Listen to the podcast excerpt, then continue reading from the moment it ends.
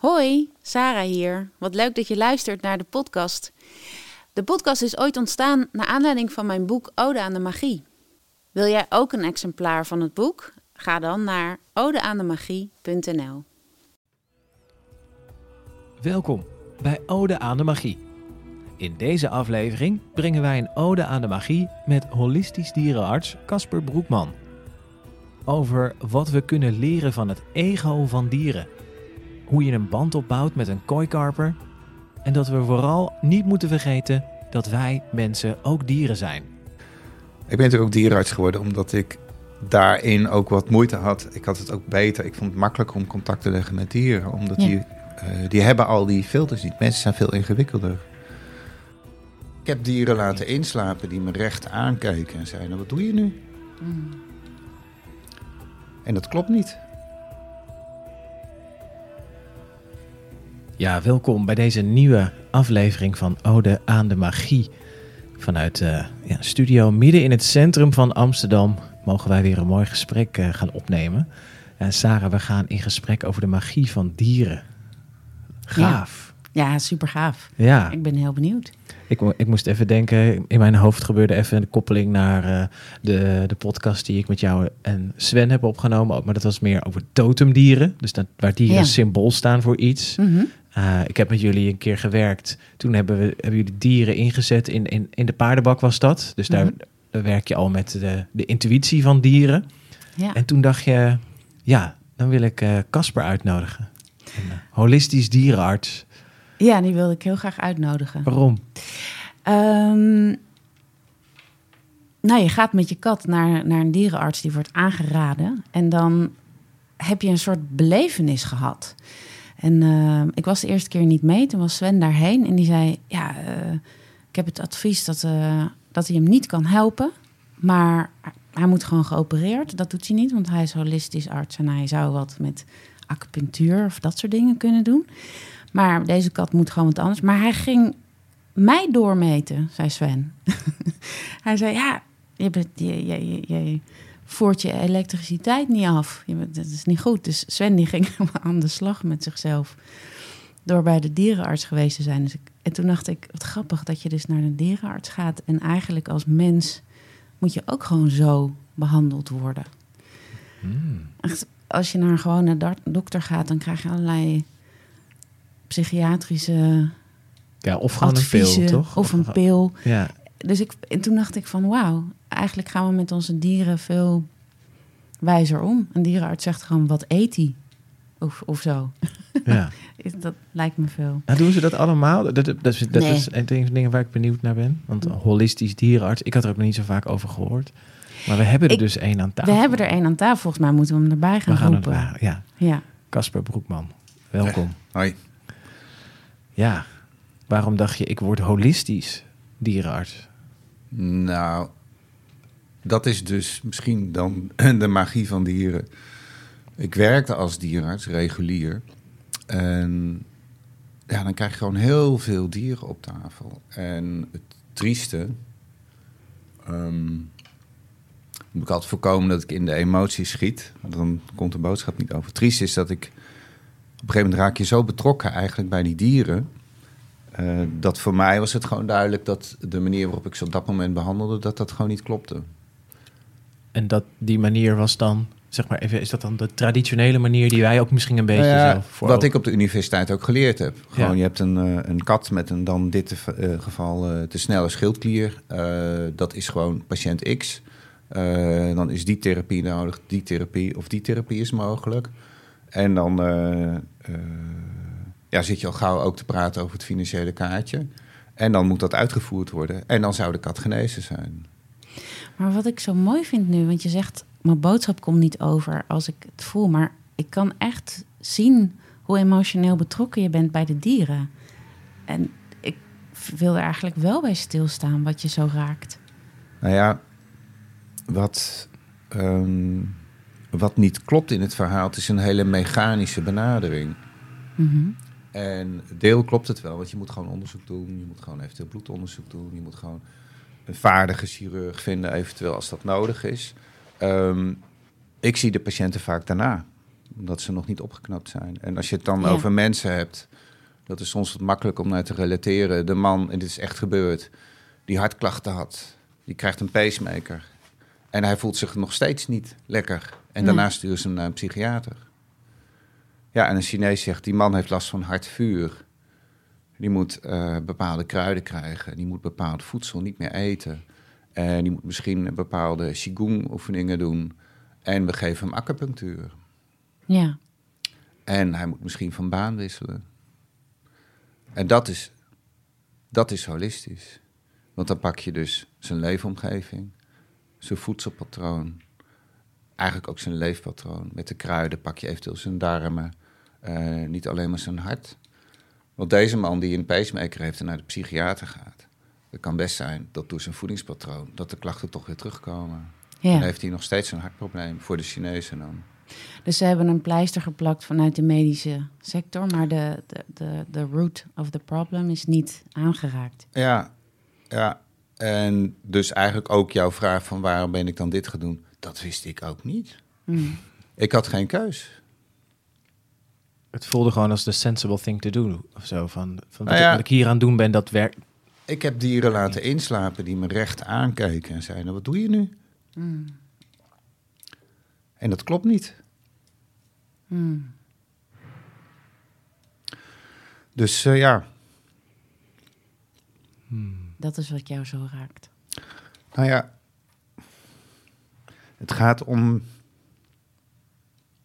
een respect wat je op dat moment gewoon niet hebt voor, zo'n, voor de eigenwaarde van zo'n dier. Ja. Voor echt het levende wezen dat het is. Nou ja, weet je, Ik laat ze nog steeds inslapen, gewoon dan is het klaar. Ik heb van de zomer, afgelopen zomer, heb mijn eigen hond in laten slapen. Hij is 14 jaar oud en hij kreeg iets en het was gewoon klaar. Het was gewoon op. En eh, ja, met alle respect. Dus eh, ik liet hem ook niet meer opereren. Hij had een maagtorsje gehad. En ik ga hem ook niet, die hond van 14, gewoon niet meer laten opereren aan een maagtorsje. Met de kans dat het toch weer terugkomt. En ik heb gewoon besloten op dat moment van, nou weet je, we stoppen ermee. Maar als ik jou zo beluister, krijg ik bijna het idee dat holistisch is dat, je, eh, dat jij jezelf helemaal meeneemt in het werk. Want als ik, als ik artsen aan het werk zie, dan zie ik dat ze heel rationeel kunnen blijven. En ik, ik zie bij jou ontzettende emotionele betrokkenheid. Ja, kijk, op het moment dat je met, ehm, met, kijk, op het moment dat je met dieren werkt, de manier waarop ik ermee werk, dan heb je ook daadwerkelijk contact met ze. En ja, weet je, er zullen vast wel mensen zijn die gewoon die ervaring hebben dat zo'n dat zo'n kat gewoon naast je komt liggen, of zo'n hond gewoon tegen je aanleunt, of zo'n paardje even opzoekt als het wat minder goed gaat. Ehm, er zit een soort van ze stellen geen vragen, ze zijn er en ze zijn er voor je. En jij hoort erbij en ze investeren in je. En dat, dat is gewoon wat je ervaart. En dat ervaar ik bij al die, al die dieren, die, zeker als ze al een keer geweest zijn, het is gewoon een band. Mm. Het is niet patiënt X. En dat wil niet zeggen dat mijn collega's dat niet hebben, alleen ze hebben niet de ruimte en de tijd om daar aan toe te geven. Dus wat doe je? Je witte jas aan, je stethoscoop om je nek en jij bent meneer de dokter. En men heeft maar te luisteren. Nou Ja, dat is gewoon niet meer van deze tijd. Het Nee. is gewoon achterhaald. W- Wanneer is jouw bijzondere connectie met dieren? Eh, wat, wat, kun je, wat is je eerste herinnering daaraan? Ja, ik was als kind zijn ook altijd al met dieren bezig. Weet je wel, een keer een duif gered uit het park of weet ik veel. Katten in huis, honden in huis. Dus ik ben er... ehm,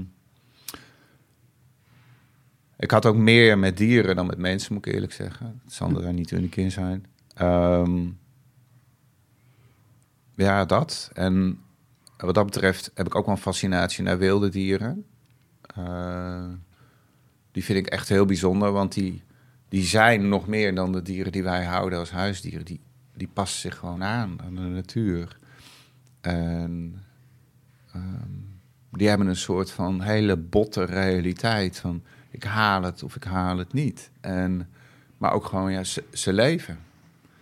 Hm. Dus eh, daar heb ik ook wel echt wel bewondering voor. Eigenlijk zo, zo dicht als die bij de natuur staan, ja, daar staan wij niet meer. Nee. Is dat de ultieme vrijheid? Het, het wilde dier? Nou ja, de verleiding is heel groot eh, om als mens dan toch zo'n dier te willen bezitten of daar invloed op te willen uitoefenen. Ja. En ik heb een tijd in Zeeland gewerkt en dan ging ik al die meeuwen die dan gewond waren of wat dan ook opvangen en oplappen. En dat was een beetje dat idee van we hebben een wild dier. Hm. We, we gaan hem niet temmen, maar we gaan hem wel eh, eh, beïnvloeden. Eh, maar eigenlijk zit dat helemaal buiten de mensheid. Die redt zichzelf wel. En, en sterker nog, de dieren die ik opgelapt had uit onderzoek blijkt dat ze na drie dagen bijna allemaal overlijden. Ja. Ja, dus dat hoorde ik later. Dus het lijkt fantastisch. Als je zo'n vogel weer laat, de vrijheid in laat vliegen. Mhm. Maar heel veel halen het daarna gewoon niet. Er is een reden waarom ze Gaan. gaan. En is dat dan de reden om voor mensen om dat op te lappen? Is dat omdat we willen redden? Omdat we willen belangrijk willen zijn? Ja, ik denk vooral het laatste. Ik weet nog niet eens of het redden is, maar vooral ehm, je wilt toch op de een of andere manier een band krijgen dan met in dit geval een wild dier. Ja. En ja, je hoopt toch ergens dan, ja, ehm, daar zelf een beetje beter van te worden. Ja. Het is heel egoïstisch. Want eigenlijk moet je zo'n dier gewoon laten. Ik zeg, ik zou het nog steeds doen hoor. Ik zou het nog steeds. Je zou ze wel oplappen. Ja, ik kan dat gewoon. Ik kan dat niet eh, laten. Maar je, in de wetenschap dat ze na drie dagen waarschijnlijk wel gaan. Ja, maar ik kan, dat is een keuze. Of je moet ze doodmaken. Maar als ze echt te goed zijn, gewoon te goed, Ja. dan ga ik dat niet doen. Dan, eh, dan ga ik ze toch die kans geven. Ja. Ja, het is heel dubbel. Maar kun je nagaan hoe, hoe, ja, hoe bijna hoe ambivalent je naar dieren kan staan. Als je het even verlegt van de huiskat, waar wij gewoon verantwoording voor hebben, naar de wilde dieren. Dan wordt het al heel moeilijk. Ja. Dat, eh, Maar mijn fascinatie zit ook daar. Juist ook wel de huiskat die zich... die zijn eigen domein heeft, zijn eigen wereld. Want en daar mag jij bij. Want katten zijn niet zoals honden. Die katten die gaan sowieso hun eigen weg. Ik, Ja. ik zal niet zeggen dat ik mijn kat bezit. Ik ben meer zijn servant. Ja, dat is ook het gezegde. Maar onderschat niet hoe katten zich aan, aan mensen en families hechten, hoor. Dat is echt, eh, ja.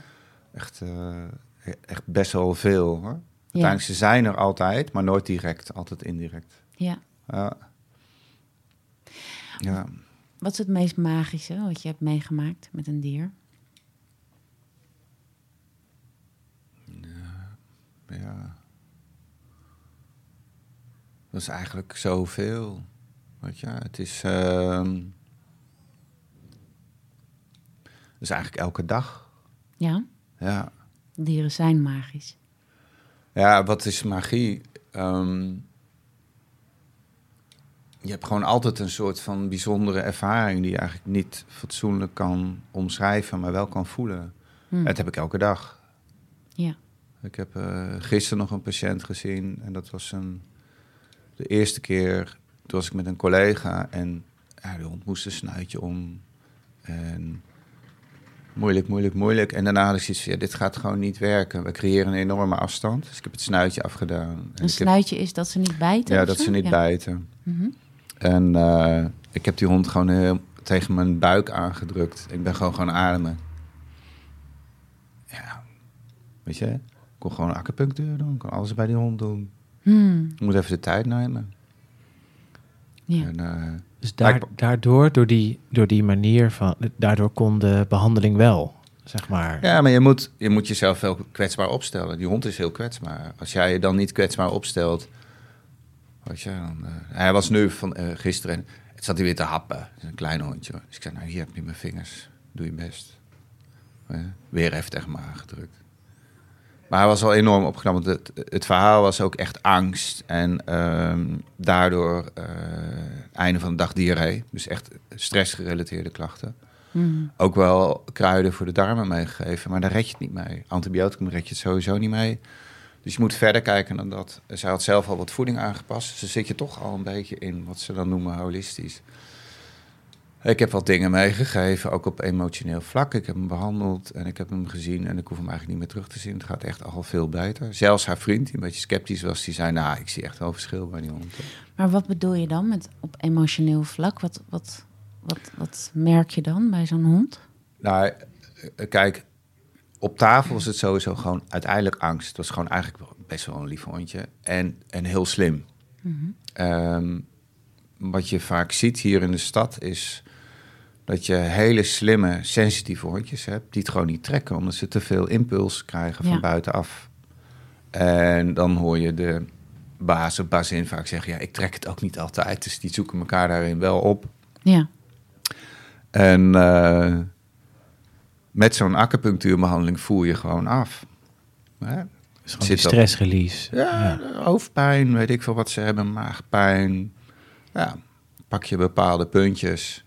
Ja. En ehm, Dus ja, die daarna dieren- geef je druppels mee. Ik zeg altijd maar hocus pocus druppels. Er zit wel een idee achter hoor. dus Maar- het zijn magische druppels. Nou, weet je, een groot deel van wat ik doe kan ik niet uitleggen. Ik kan je de boeken laten zien die ik gelezen heb en de Mhm. opleidingen.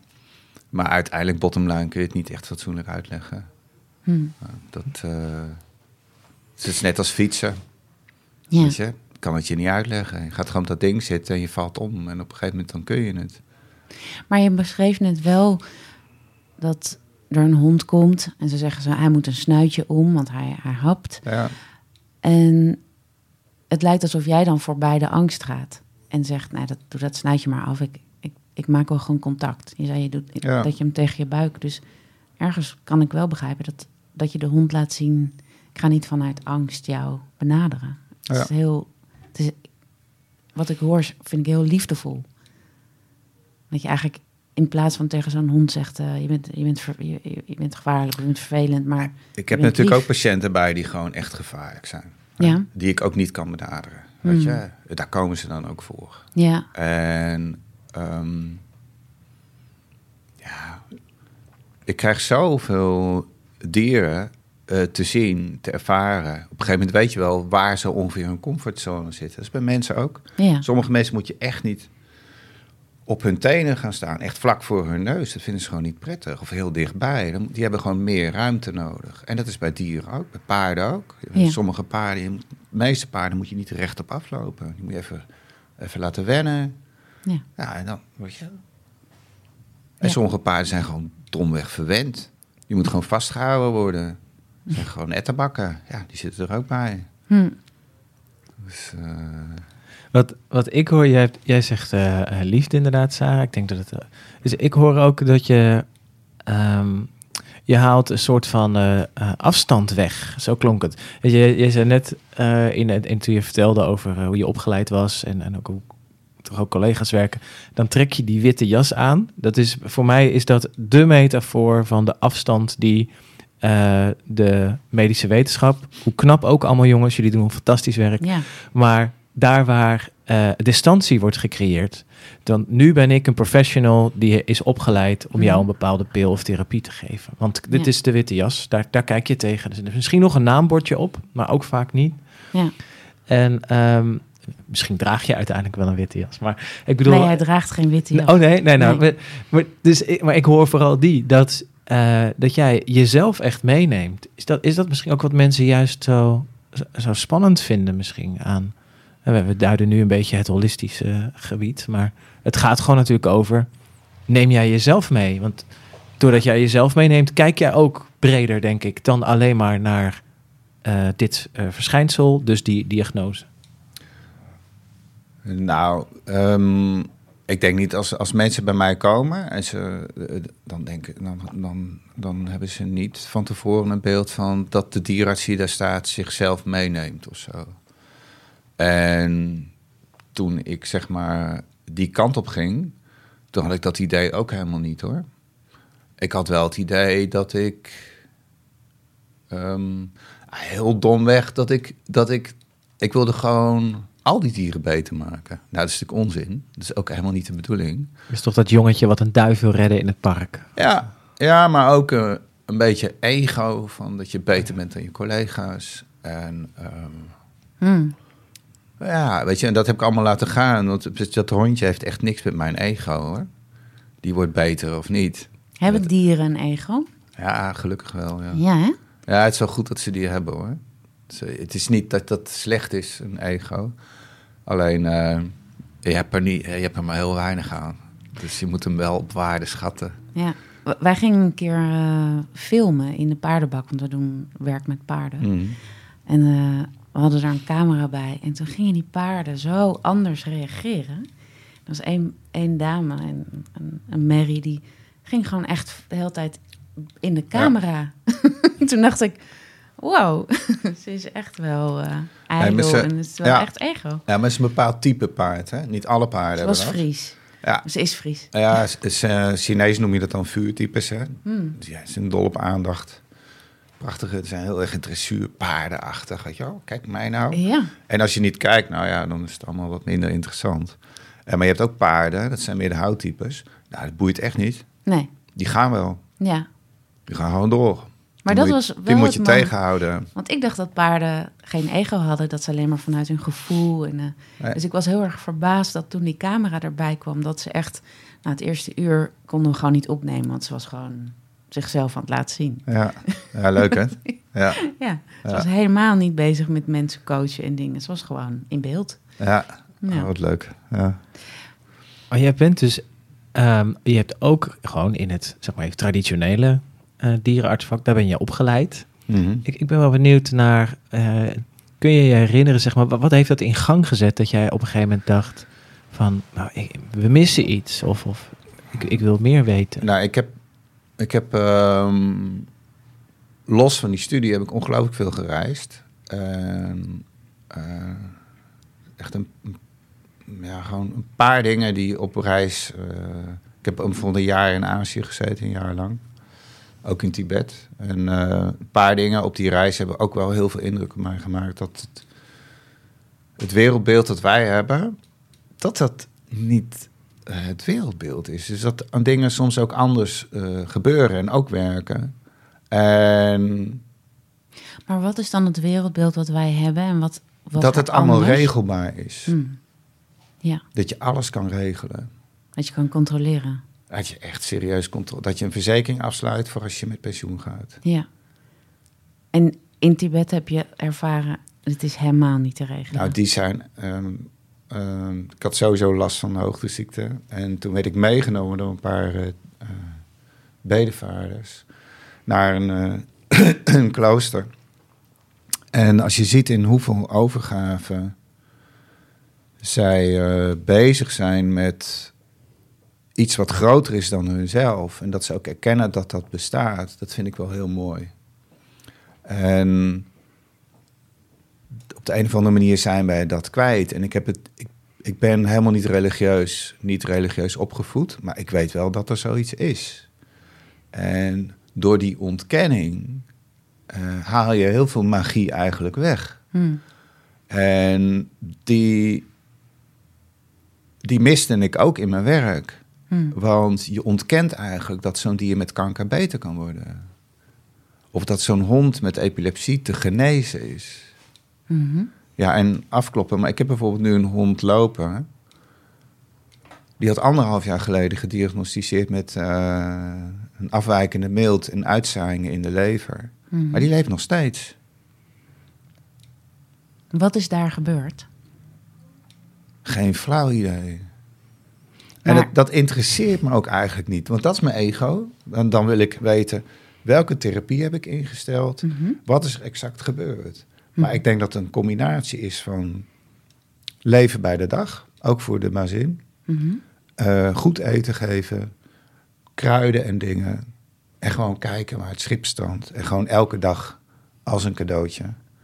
Nou, dan heb je al anderhalf jaar heb je cadeautjes gekregen. dus de winst is enorm. Kijk, die hond is ook al oud, weet je. Dus hij Mhm. mag, hij- ze mag gaan. Daar gaat het niet om. Het gaat om... Maar is dat niet precies wat het is? Dus ja zeggen tegen ze mag gaan. Ehm, maar open zijn voor wat er wel mag zijn. En dat er, dat er dan dus niet wordt gecontroleerd. Dat het controleren zelf zorgt voor Dat daar de spanning. verknelling, de verknelling Ja, begint of Dat zo. daar de, de spanning komt. Dat daar... Dat je de dood knijpt eigenlijk. Nou ja, Dat mensen, mensen willen nu, en kijk, die patiënt krijg ik ook. Iedereen, en dat snap ik ook wel, iedereen wil gewoon weten wat is er met mijn dier aan de hand. Mhm. En soms zeg ik tegen mensen van luister, je kan nog een MRI laten maken van die kop. Maar of ze vinden wat en ze weten niet wat het is, of ze vinden niks. Maar we zien aan de hond dat hij duidelijk een neurologische afwijking heeft. Wat wil je? Mhm. En Chinees gezien is het dit en dit en dit. Dat is hun diagnose. Maar verder gaan we niet. Mensen willen exact weten wat het is. Maar vervolgens weet je ook al dat daar dan geen oplossing voor is.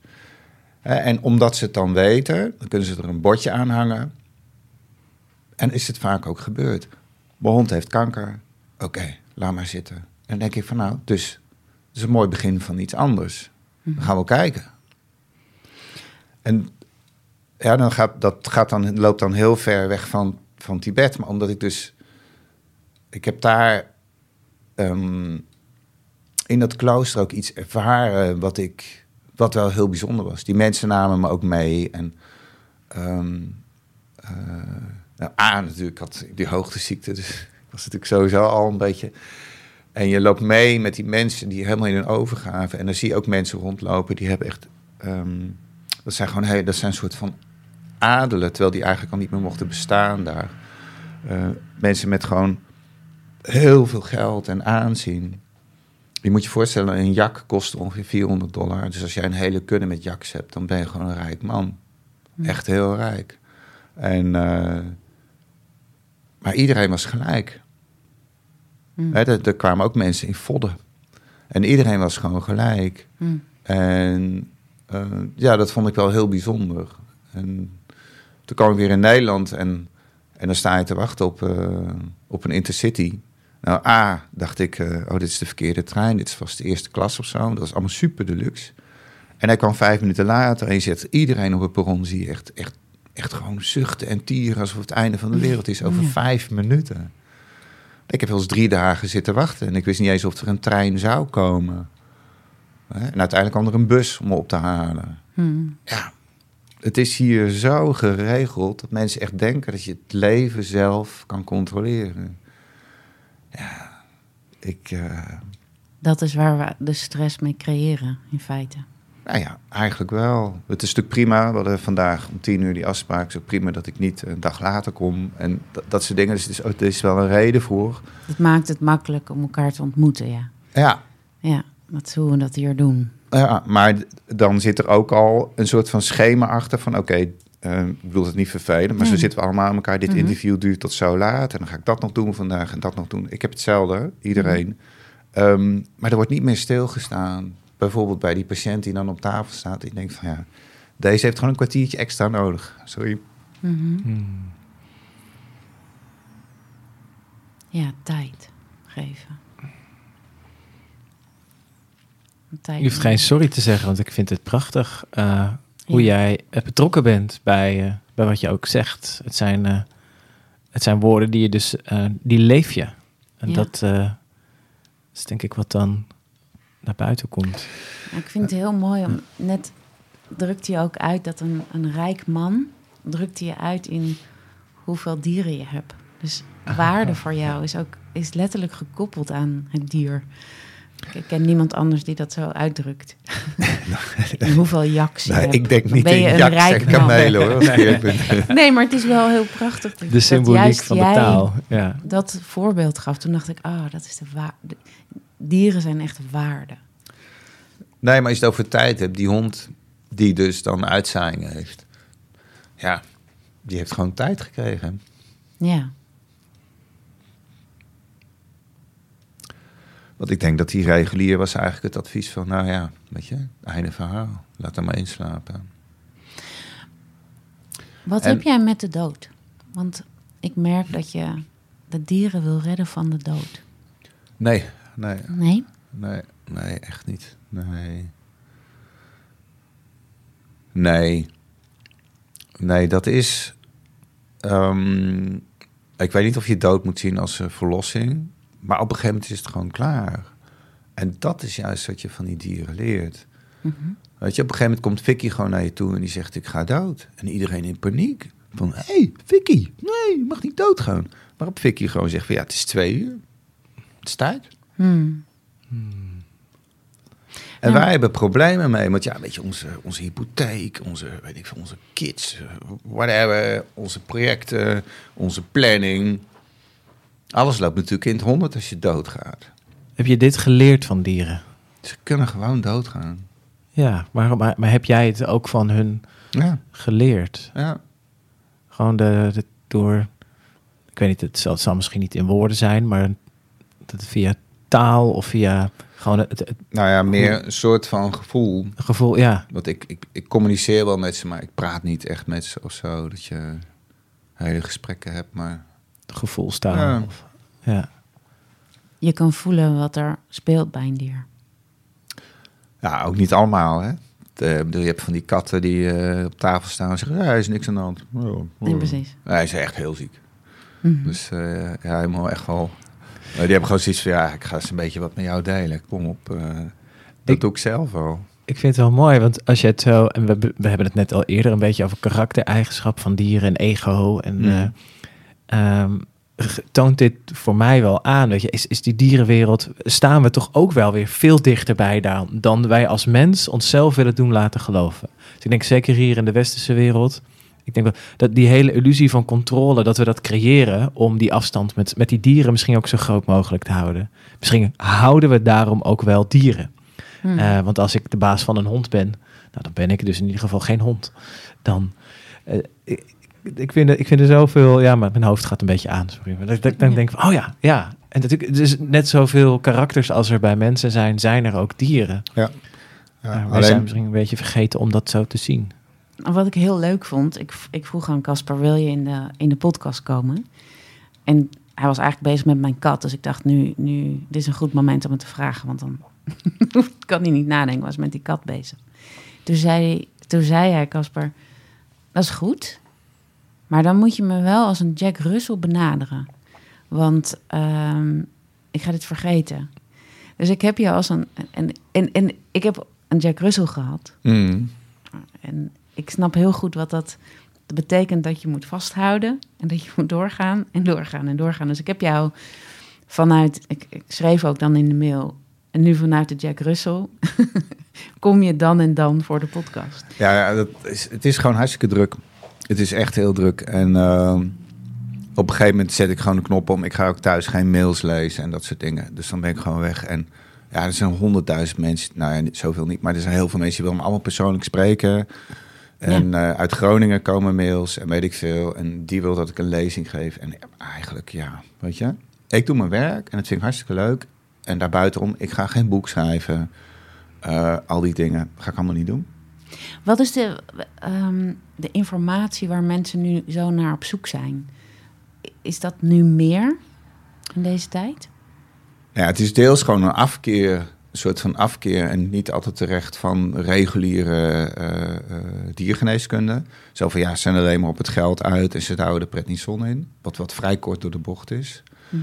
Ehm, sommige mensen die zijn zelf best wel invoelend en zeggen er is iets met mijn kat en ik ga liever naar jou toe, want ja, bekijk hem en ja, je, je collega's die ja, als ze niks kunnen vinden, dan doen ze niks. Als, of ze geven een pijnstilling mee, maar het, het gaat niet diep, het gaat niet ver genoeg. Dus die komen echt voor informatie.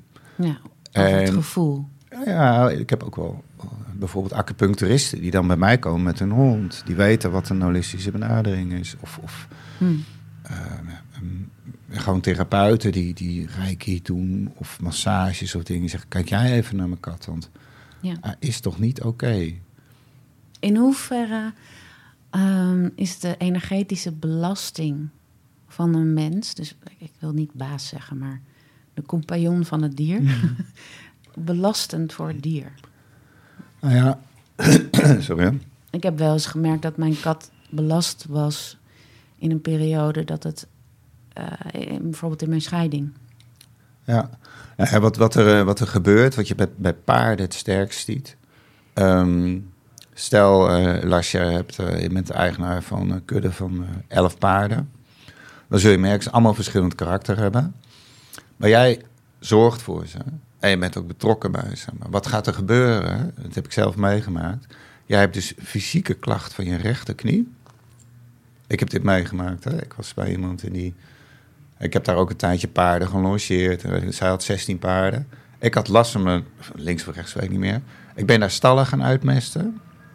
En ik voelde het gewoon. Die paarden, die hadden zoiets van... Dit is, dit is, die blijft. Die komt hier elke week. Ehm, die... ehm, ze hebben me opgenomen in de kudde. Hmm.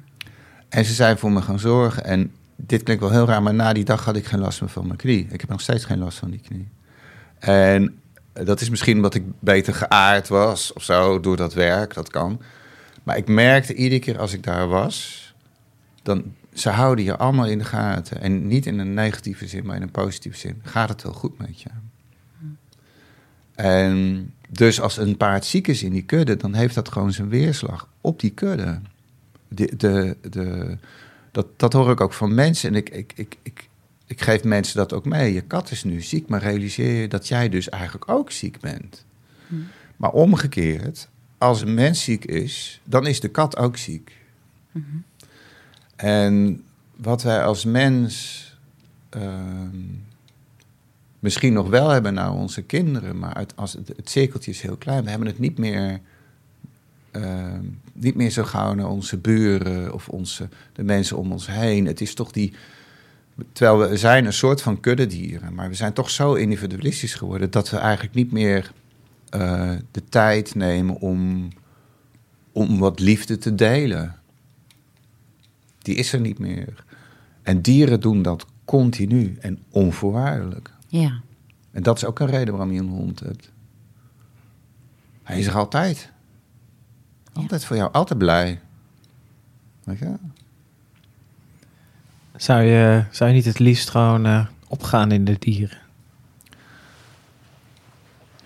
Nou, dat doe ik eigenlijk al. Doordat ik met ze, doordat ik met ze bezig ben. Ik heb echt, echt wat dat betreft, het is wel op een bepaalde manier vermoeiend, maar ook ontzettend leuk. Ik heb zoveel types op tafel en ik hoef ze niet te bezitten. En ehm, ik hoef ook niks van ze. Als jij een dier was, wat, wat, wat was jij dan? En waarom? Dat zou ik eigenlijk niet weten. Nee, want het kan variëren van dolfijn tot paard tot bronvlieg, weet je. Het heeft allemaal... Eigenlijk vind, koeien vind ik ook wel een zinnige dier, maar ik zou niet graag een koe willen zijn, moet ik eerlijk zeggen. Maar die hebben een bepaalde gratie. Heel, hele leuke... Katten zijn natuurlijk geweldig. Ja, ze hebben allemaal wat, hè. Katten zijn meer individu. Mhm. Ehm, wat indirecter. Waarom denken mensen vaak dat ze spiritueler zijn? Ze zijn wat... Mhm. Weet je, de zwarte kat en eh, afvoeren van negatieve energie en noem het maar. Weet je, dat soort verhalen. Maar als je je karakter zou omschrijven, daarom refereerde ik net even aan dat je zei dat ik een Jack Russell moest doen. Om te zorgen dat je kwam. Maar als, als jij, jouw karakter, wat voor dier Ja. is dat? Ik zou toch dan, denk ik, toch meer een hond zijn. Ja, toch uiteindelijk best wel loyaal. Hmm. En ehm, ja, vooral dat. Een kat is, is tot op zekere hoogte loyaal, maar als je het echt de bond maakt, dan loopt hij weg. Een hond Ja. niet. Mhm. Heel veel katten zoeken hun eigen huis uit, toch? Mijn kat is komen aanlopen. Ja, ja. Die heeft, m- mijn kat heeft zelfs zijn spullen verhuisd. Dus hij heeft echt. eh, hij, is, hij is bij mij komen aanlopen. Ja. Dat was dus eh, eh, 14 jaar geleden. En toen heeft hij eerst gekeken van is dit Ja. fijn? En wij lieten hem binnen. En we hebben echt gezocht naar waar die hoorde. Briefjes opgehangen, alles. Gebeurde niks. En op een gegeven moment sprak ik uit... Oké, ik denk dat je hier moet blijven. Want we kunnen het niet vinden. En wij, vinden, ja, wij houden van jou. En toen, de volgende dag, bracht hij een muis mee. En de dag daarna een soort sokje met een belletje. En eh, hij heeft gewoon zijn spullen verhuisd. ja, ja, Op het moment dat ik zei, oké, doe maar dan. ja. En Dat vond ik, toen dacht ik, oh, jij, jij kiest... Dat, dat zou een hond nooit doen. Ja, die hebben, die hebben natuurlijk minder kans daartoe, hè. Ja. Maar eh, er zijn wel honden hoor. Als je bijvoorbeeld kijkt eh, meer op, op, op mensen die in een soort gemeenschap wonen. Ja, en dan wisselt die hond op een gegeven moment wel van baasje. Want iemand anders steeds op reis is of wat dan ook. En op een gegeven moment gaan ze gewoon Ja. ergens anders wonen. Katten doen dat al eerder. Eh, of ze gaan er gewoon vandoor, ze ontsnappen. En ze zoeken een andere baas in Spanje ergens of zo. In Nederland is dat wat minder. Ja. Eh, het gebeurt wel, maar minder. En je hebt wel honden die zelfstandig handelen. Maar dat zijn dan meer de, de kudde bewakingshonden. Mhm. Eh, Oostblok en dat soort dingen. Weet je, die, eh, die Pyreneese berghond. Die zijn vrij zelfstandig. Die denken ook zelf na. Mm. En dat is wat de meeste honden gewoon niet kunnen. Die zitten altijd te kijken naar hun baas van... oké, wat moet er nu gebeuren? Ja. Dat, hebben die, eh, dat hebben die honden niet. Nee. En dat is gelijk ook vervelend, want dat past natuurlijk niet in deze maatschappij... dat honden zelf gaan nadenken. Ja. We hebben een probleem. Daar hebben we riemen voor uitgevonden natuurlijk. Ja, ja lijnen. Ja. Het is er, je zei, er zijn zoveel types die voorbij komen. Ik zit daar heel erg op, zo even met die karakters. Is ook wel eens dat je contact hebt gemaakt met een bepaald dier... waar je misschien ook niet van verwacht hebt dat je zo... Ik kan me zo voorstellen, jij ziet inderdaad zoveel types... en je, je staat open voor dat contact. Kijk, met een, dat je met een kat een soort connectie hebt... of met een hond, die, die, die snap ik, een paard wellicht. Maar ben je wel eens verrast door een dier? Dat je, Ja, ik heb... eh, een gegeven moment vroeg iemand mij of, die, of ik zijn kooikarper kon behandelen. Dus ik naar die vijver toe. en ik had echt zoiets van, nou, ja, eh, zo ongeveer zo niet geschoten, misgeschoten of zo. En ehm, vanaf die tijd snap ik waarom mensen kooien hebben. Het is zo'n bijzondere energie. Het is echt zo niet te vergelijken met een kat. Of met een paard, of met een hond. Het is heel sereen. En daar heb ik natuurlijk maar één keer een kooi behandeld. Dus ik weet niet wat voor types daar zijn. Maar deze was echt gewoon, ja... Wat, maar die man, die man had ook zoiets van, ja, dit is gewoon echt een bijzondere vis. Ik had zoiets van, ja, wat eet hem op of zo. weet je. Maar het was echt... wat, ja. was, wat maakte het zo bijzonder? Wat, je komt bij die vis en... Nou, je zit... ehm, wat je soms bij paarden ook wel hebt, als je tegen zo'n paard aanleunt of zo, dat je zo'n enorm gevoel van rust krijgt. En ik ach joh, weet je, blijf je nog wel even staan. En dat had ik bij die visser ook. Die kwam gewoon voorbij, die was wel ziek, maar die kwam gewoon voorbij, die zwom daar. En er waren meer vissen, maar die was ziek. En ehm, ja, moet ik zeggen? Je, op de een of andere manier lukte het me toch om contact te krijgen. Want daar stond hij ook heel erg, hij of zij, stond daar heel erg voor open. En op dat moment kreeg, krijg je zo'n soort van mm, ja, boodschap of zo, of iets, een soort van ervaring.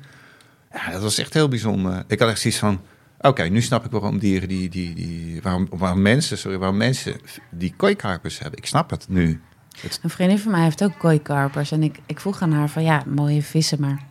En dan zei ze, maar ik heb er heel erg een band mee. Ja, En ik zei, hè, maar ze, ga maar bij de vijver staan en kijk er maar naar.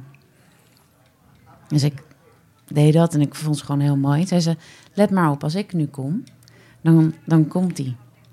En die kooikarper herkende haar gezicht. Want zodra zij kwam, kwam hij erheen. ja, En was meteen contact. ja. Hij zei, als, ik, als ik dit zo hoor, weet je, wel, denk ik, ehm, jij, jij vertelde net een beetje wat dat een ervaring in, van het reizen eh, heel erg je, je beeld verandert. Eh, zo kan een ervaring met een dier heel erg. Is dat niet wat wij, zeg ik dan maar eventjes, de, de gehaaste mens, de mens met de behoefte tot controle, Mm. Ehm, is dat niet wat we dus wat meer nodig hebben van die verwonderende ervaringen? Alleen, het, ik, ik vraag me af, ja, wat gaan we nodig hebben om ons dat te realiseren? Dat je dus een band kunt hebben met een kooi. Want ik denk dat heel veel mensen die zouden dit horen. Die, nou, dat is een gek wijf. Dat denken mensen sowieso. Ja, over die, mij. Die dierenarts, geen idee, weet je. Maar, die is, ja, ja. maar, maar dat is het. We veroordelen natuurlijk ook vaak juist wat, omdat we het niet snappen. Jij snapte het zelf niet eens misschien van wat... Je kreeg een ervaring, zeg je. Ja, dat is, eh, is natuurlijk heel... Ja, mijn, mijn, eh, kijk, mijn insteek is gewoon puur mechanisch. Ze motten beter worden. Dat klinkt heel stom, maar weet je, bottom line, want ik, we werken, ik werk nu met eh Annette en Stephanie. En eh, eigenlijk zijn elkaar karakters horen wij eigenlijk niet echt in één praktijk. Zeker Annette en ik niet. Dat zou eigenlijk niet goed gaan. En, maar we hebben één gemene deler. Ze motten beter worden. En dat is natuurlijk kort door de bocht. En daar bedoelen we mee dat ze op een leuke manier aan een einde komen. Dat kan ook, hè. Maar het gaat er gewoon om dat je zo'n dier eh even, want die zitten er ook soms in, net als de mensen, even uit die sleur haalt. Even op een, op een hoger niveau voor hun. Dat ze, dat, ze, dat ze echt prettig, prettig kunnen, dat ze de ruimte krijgen. Zelfs om zich nog te kunnen ontwikkelen. Dus van hun angst af te komen of, of van hun chronische klachten. Ehm, dat, is, dat is wat we willen. Dus, en ik was helemaal niet bezig met, ehm, dat was niet bewust, dat, ik dan, dat je nou contact moest hebben met zo'n dier. Wist ik veel. En dat hele verhaal van yin en yang. Ik dacht dat dat t-shirts waren en oorbellen. Ik had echt geen idee dat dat dus een hele theorie achter zat. Dat wist ik allemaal niet. Ehm, maar om, om in eerste instantie dat doel te bereiken... en ik dacht dat mijn doel was om die dieren beter te maken... maar uiteindelijk word je er zelf ook beter van. Er zit ook gewoon heel groot eigen belang bij. De dieren maken jou beter. Ja. Het is heling om bij ze te Ja. zijn. Mensen vragen wel eens, ga je niet naar een acupuncturist of zo? Ik zei, nou, weet je, als ik echt vol zit, want soms zit je echt wel vol. Ja, dan huis ik de zeilen en dan ga ik naar de Waddenzee. En dan ben ik het alweer kwijt. Hm. En dan zie ik daar nog een paar eh, zeehondjes en dan ben ik wel helemaal gelukkig. Ja. Ja, dus, eh, Dus kunnen dieren wel magisch noemen. ja, maar mensen uiteindelijk ook. Alleen je moet het even doen. Je, je ogen openen. Breder kijken dan. Ja. ja. Weet je, het is, eh, waar ik het dan over heb nu, is, is het contact met dieren. En omdat zij, ehm, hoe moet ik het zeggen, in een andere realiteit leven, eh, kom je ook zelf even in een andere wereld. En soms is dat heel prettig. En ja, dat, dat zou je dan magie kunnen noemen, maar het gaat er gewoon om dat je even eigenlijk gewoon je hart opent Hm. op dat moment. Ook voor die rothond, bij wijze van spreken. En dan blijkt dus dat het allemaal heel erg meevalt. Zitten... ja. Oh, sorry, ga maar. Nou, dat, dat lijkt me ook zo eh, een voorbeeld voor hoe je inderdaad met mensen omgaat. We, we- we vinden allerlei dingen van mensen, of ook van kinderen, die stout of vervelend. Of Ja, dan gaan we ze zeggen wat ze moeten doen. Maar volgens mij die, die knuffel of dat, dat na, die nabijheid die jij met dieren opzoekt, is ook zo nodig gewoon voor mensen. Om gewoon nou ja, ik, ik te weet het. verdragen en aan Ik weet het gewoon uit eigen ervaring met mijn zoon. Dat, eh, dat het, het triest is dat kinderen eigenlijk heel vaak gelijk hebben.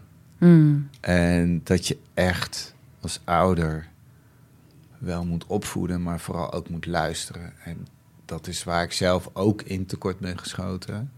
En dat je dus uiteindelijk wel op zoek gaat naar dat contact. En hoe moeilijk dat ook is tussen alle bedrijven door. En ja, weet je, bepaalde dingen moeten ze ook gewoon moeten ze niet doen. ja. Maar daar gaat het uiteindelijk niet om. Mhm. Uiteindelijk gaat het om dat contact. Dat is best moeilijk. En dan moet je je ook als ouder kwetsbaar kunnen opstellen Mhm. en luisteren. En dat is gewoon pittig. Waarom is het pittig? Ehm, want je probeert eigenlijk voor je, je kinderen, probeer je, wat jij denkt dat goede normen zijn, probeer je aan hen over te brengen. Mhm. Maar het feit is dat die alweer verouderd zijn, want de, de hele wereld is alweer veranderd. Dus je moet toch meegaan, ook in hoe zij de wereld ervaren. Ja, En dat is anders, wat ik me ook heel goed kan voorstellen. Het hele onderwijs, ja. zoals die nu is, zou misschien geschikt zijn voor mij. Toen, toen ik op school zat, was het niet geschikt voor mij. Maar nu is dat aangepast, 25 jaar later, of weet ik nog langer. Mhm. Maar inmiddels is het voor de kinderen die nu op school zitten eigenlijk al niet meer Dat al van toepassing. achterhaald. Het is al achterhaald. Ze zijn Ja, ja. super slim, super gevoelig. Mhm. Eh, ze schieten alle kanten op en ze hebben ook nog eens een keer veel meer keuzes te verduren Mhm. eh, dan dat wij hadden als kind. En daar kom je dan niet meer met je waarden en normen van 30, 40 jaar geleden. Dan moet je echt gaan kijken van wat leeft er nu. Dan moet je je echt gaan openstellen, juist ook naar die kinderen. Ja. En eh, ja, dat is gewoon soms moeilijk, want je bent ook gewoon druk. Je komt thuis en er moet eten en Ja. weet ik veel, fietsen stuk. Ehm whatever, de dagelijkse dingen. Mhm. En we moeten dit en dit nog doen. ja. Dus eh, je moet er echt voor gaan zitten. Dus wat je met de dieren kan in je praktijk, waar je rust neemt. En, want ik ben Mhm. bij jou in de praktijk geweest. Je, je, je haast nooit. Je, je blijft heel relaxed en dan wachten ze maar. je, je krijgt gewoon ruimte en als het over, over het dier gaat. Maar dan in de waan van de dag en het koken in je eigen gezin, is dat, is dat moeilijker. Nou ja, ik geef dat gewoon eerlijk toe. Ik realiseer me dat nu tijdens dit interview. Ehm, ja, maar ik ben daar wel mee bezig. Mijn zoon woont nu weer bij mij. We hadden eerst ook Oekraïners in huis. Die Mhm. moesten dan helaas verkassen. En ik ben nu wel ehm, daar heel erg mee bezig. Maar het is natuurlijk... Ik ben natuurlijk ook dierenarts geworden omdat ik daarin ook wat moeite had. Ik had het ook beter. Ik vond het makkelijker om contact te leggen met dieren. Omdat Ja. die, eh, die hebben al die filters niet. Mensen zijn veel ingewikkelder. Maar Maar- wat kan je, wat je van de dieren hebt geleerd, meenemen om in het contact met je zoon? Nou, je zit op een stukje. ehm, je zit op een stukje. ehm, toch een ander soort eerlijkheid. Een ander soort. Een, een, een- een- mensen zijn best wel. e- Ze zijn niet oneerlijk, maar ze houden toch een soort van. Naar iedereen toch een ander. ehm, eh, eh, ze laten iets anders zien. Mhm. En dieren die zijn over het algemeen gewoon zichzelf. Althans, als ik met ze bezig ben en we zijn daar waar we allebei hebben afgesproken dat we zullen zijn, Mhm. dan zijn we gewoon, dan zijn we gewoon daar. En dan is er gewoon tijd en ruimte. Mhm. En dat vind ik makkelijker om dat te creëren met een dier, omdat die op een bepaalde manier eh, eh, iets eigens hebben. Eh, wat heel veel mensen kwijt zijn geraakt. Ik heb heel erg geleerd van mijn kat. Ik, ik, ik ben wel hardleers, want ik had het niet door. Maar ik heb eh, een hele heftige puberteit gehad met mijn zoon. Hij is nu relaxed. Het was een hele heftige puberteit en ik wist het niet meer. En ik was veel boos. En ik voelde me machteloos. En elke ochtend ging ik weer die kamer en dacht ik, sta nou op, doe iets. Mhm. En het enige wat mijn kat deed was lang uitgerekt tegen mijn zoon aan liggen. En elke dag dacht ik, ja, liggen jullie daar maar weer lui te wezen. Kom op, ga aan de slag, doe. Mhm. En op een gegeven moment dacht ik, nee, mijn kat heeft gelijk. Hij heeft gewoon warmte en liefde nodig. En toen ben ik gewoon lang uitgestrekt naast mijn zoon gaan liggen en heb ik hem vastgehouden. En toen was er weer meer contact. Ja, Ja, maar dat zie je dus bij die kat, ja, dat zie je bij die paarden. En eh, die praten niet, nee, maar die communiceren wel. ja, En wij praten. De vraag is of we communiceren. ja. Dat is een hele, wauw, dat, dankjewel. De vraag is of wij communiceren. Dat hebben we hier in deze aflevering in ieder geval geprobeerd met elkaar te doen. Jij bedankt voor het luisteren en we gaan je loslaten misschien wel om gewoon even een mooi gevoelsgesprek te voeren met je kanariepiet of de kat. Of desnoods de kat van de buren als je zelf geen dier in je omgeving hebt. Maar eh, stel je open en eh, ja, sta open voor eh, dat wat de dieren je te vertellen hebben. Zoals we dat mochten leren van Casper Broekman.